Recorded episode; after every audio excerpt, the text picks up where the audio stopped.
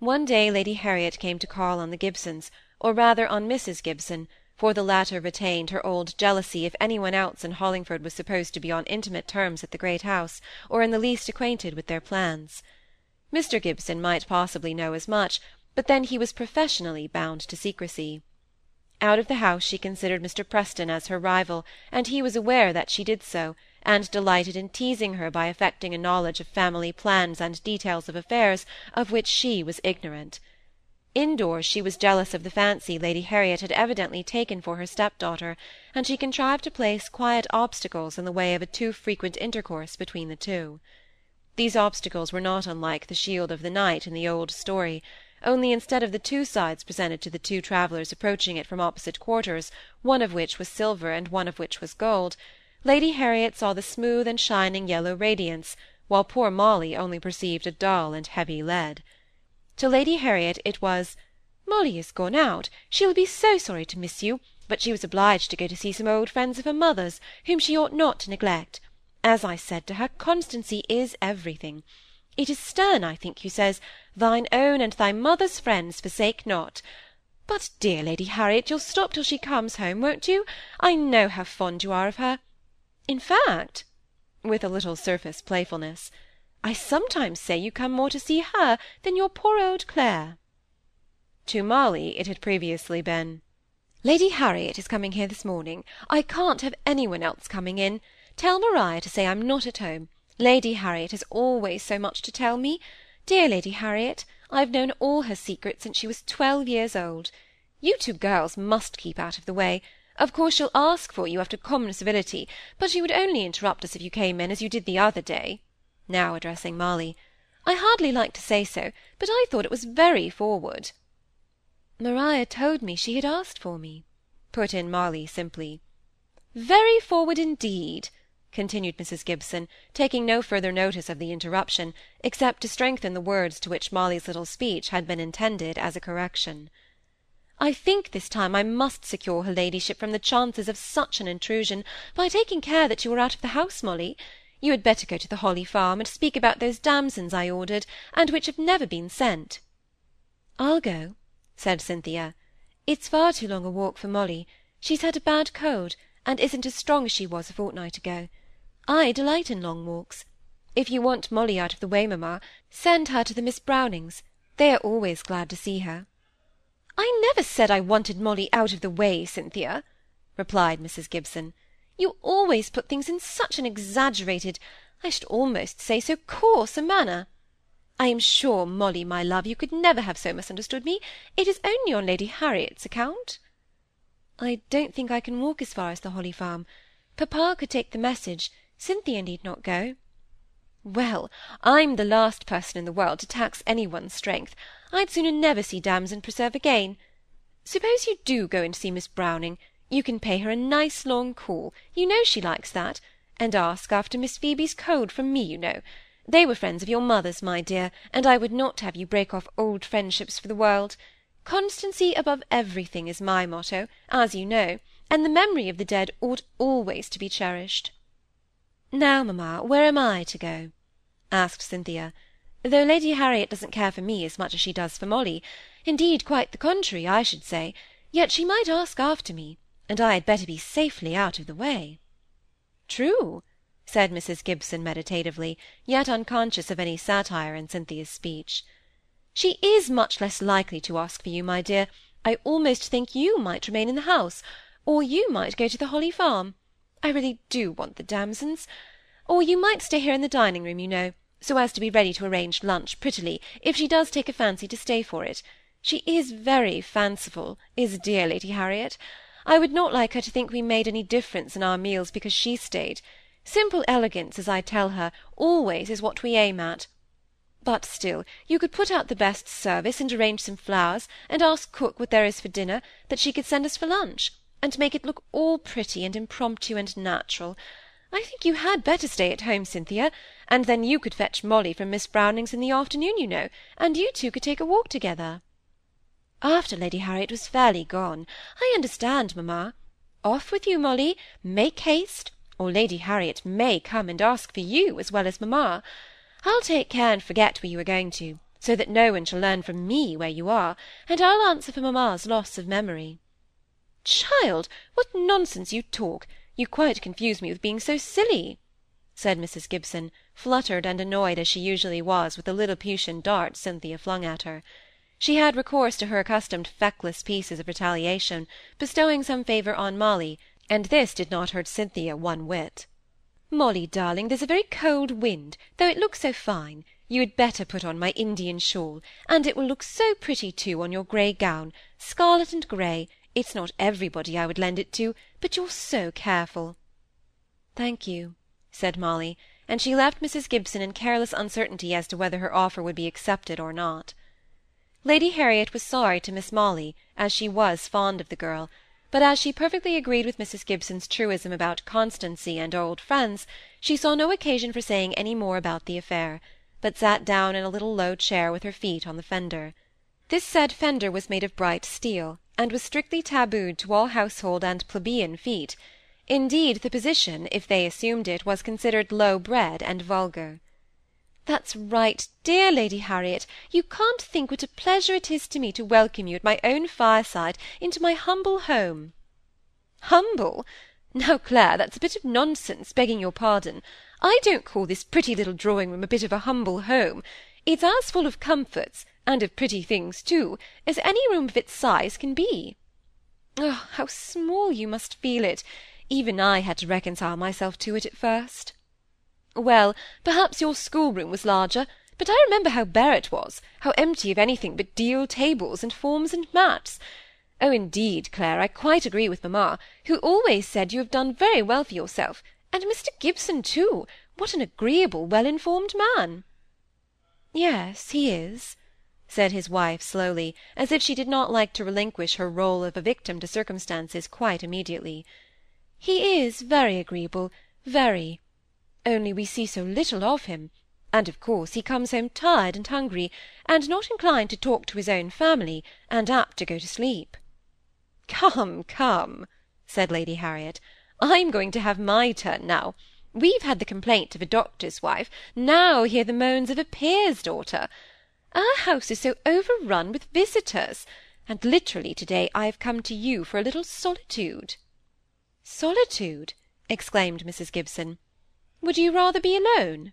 Slightly aggrieved. No, you dear silly woman. My solitude requires a listener, to whom I may say, how sweet is solitude! But I am tired of the responsibility of entertaining.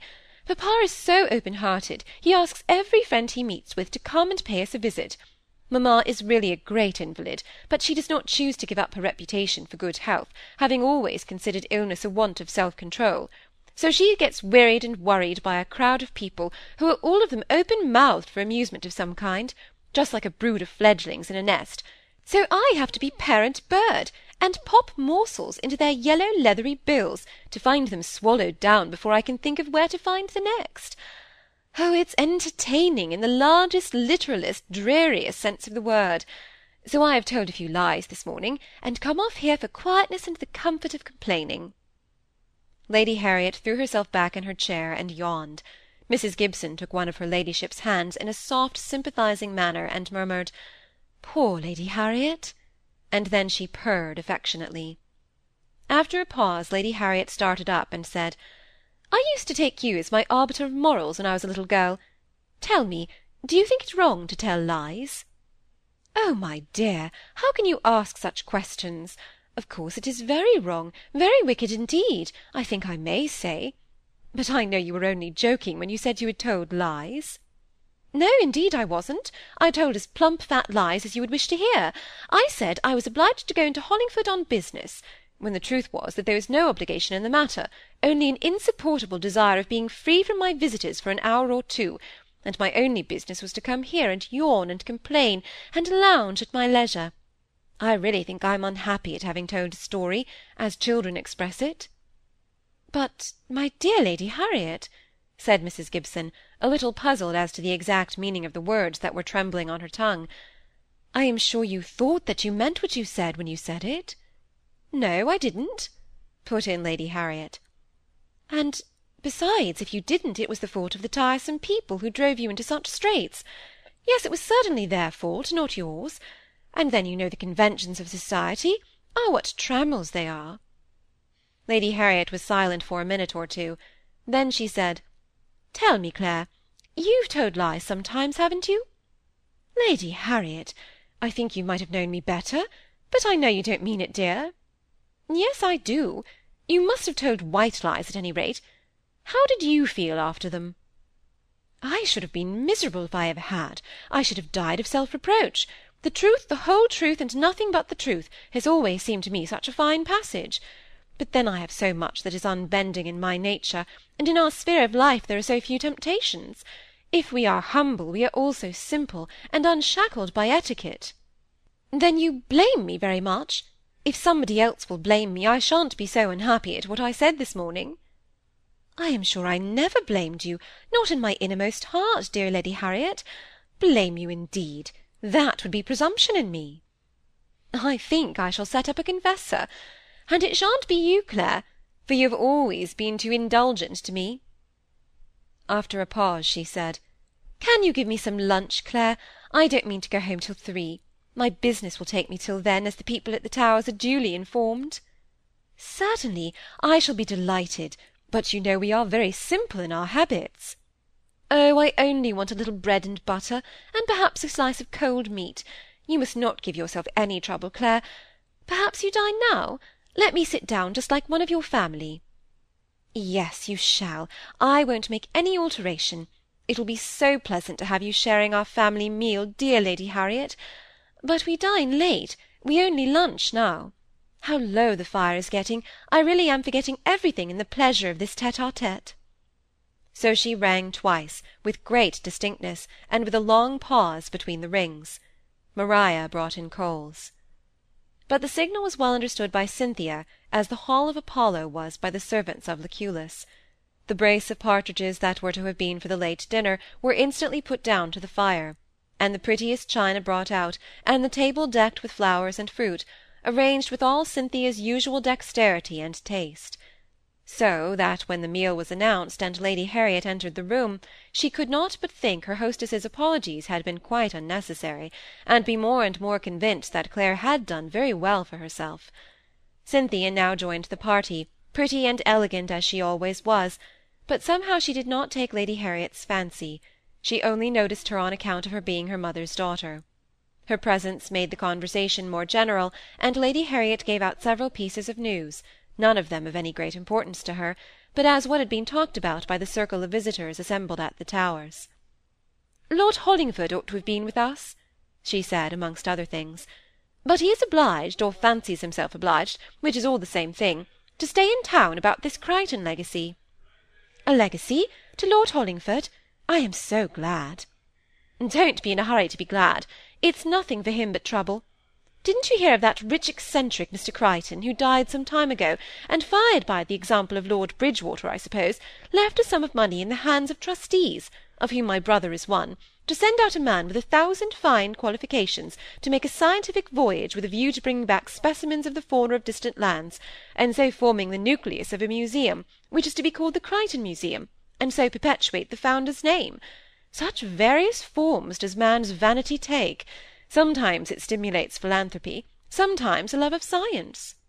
"It seems to me a very laudable and useful object, I am sure," said Mrs. Gibson safely.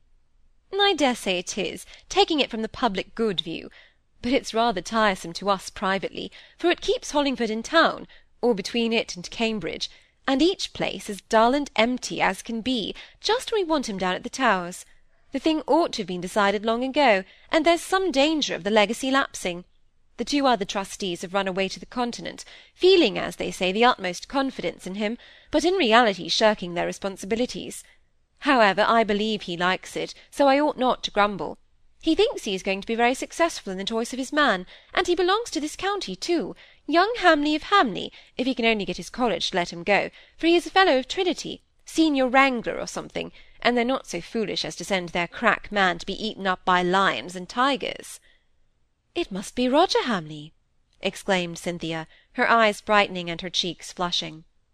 "He's not the eldest son; he can scarcely be called Hamley of Hamley," said Mrs. Gibson. Hollingford's man is a fellow of Trinity, as I said before. Then it is Mr. Roger Hamley, said Cynthia, and he's up in London about some business. What news for Molly when she comes home? Why, what has Molly to do with it? asked Lady Harriet. Is and she looked into Mrs. Gibson's face for an answer. Mrs. Gibson gave in reply a very intelligent and expressive glance at Cynthia, who, however, did not perceive it. Oh, no, not at all. And Mrs. Gibson nodded a little at her daughter, as much as to say, if any one, that. Lady Harriet began to look at the pretty Miss Kirkpatrick with fresh interest. Her brother had spoken in such a manner of this young Mr. Hamley that every one connected with the Phoenix was worthy of observation. Then, as if the mention of Molly's name had brought her afresh into her mind, Lady Harriet said, "And where is Molly all this time? I should like to see my little mentor. I hear she is very much grown since those days." "Oh, when she once gets gossiping with the Miss Brownings, she never knows when to come home," said Mrs. Gibson. "The Miss Brownings? Oh, I'm so glad you named them. I'm very fond of them. Pecksy and Flapsy. I may call them so in Molly's absence. I'll go and see them before I go home, and then perhaps I shall see my dear little Molly too. Do you know, Clare, I've quite taken a fancy to that girl."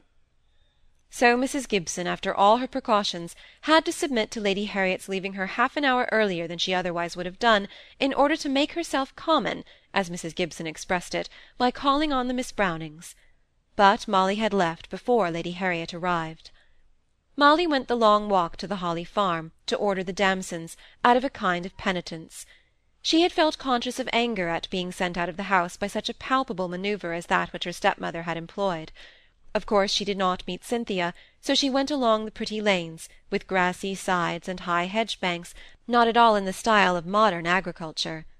At first she made herself uncomfortable with questioning herself as to how far it was right to leave unnoticed the small domestic failings, the webs, the distortions of truth which had prevailed in their household ever since her father's second marriage.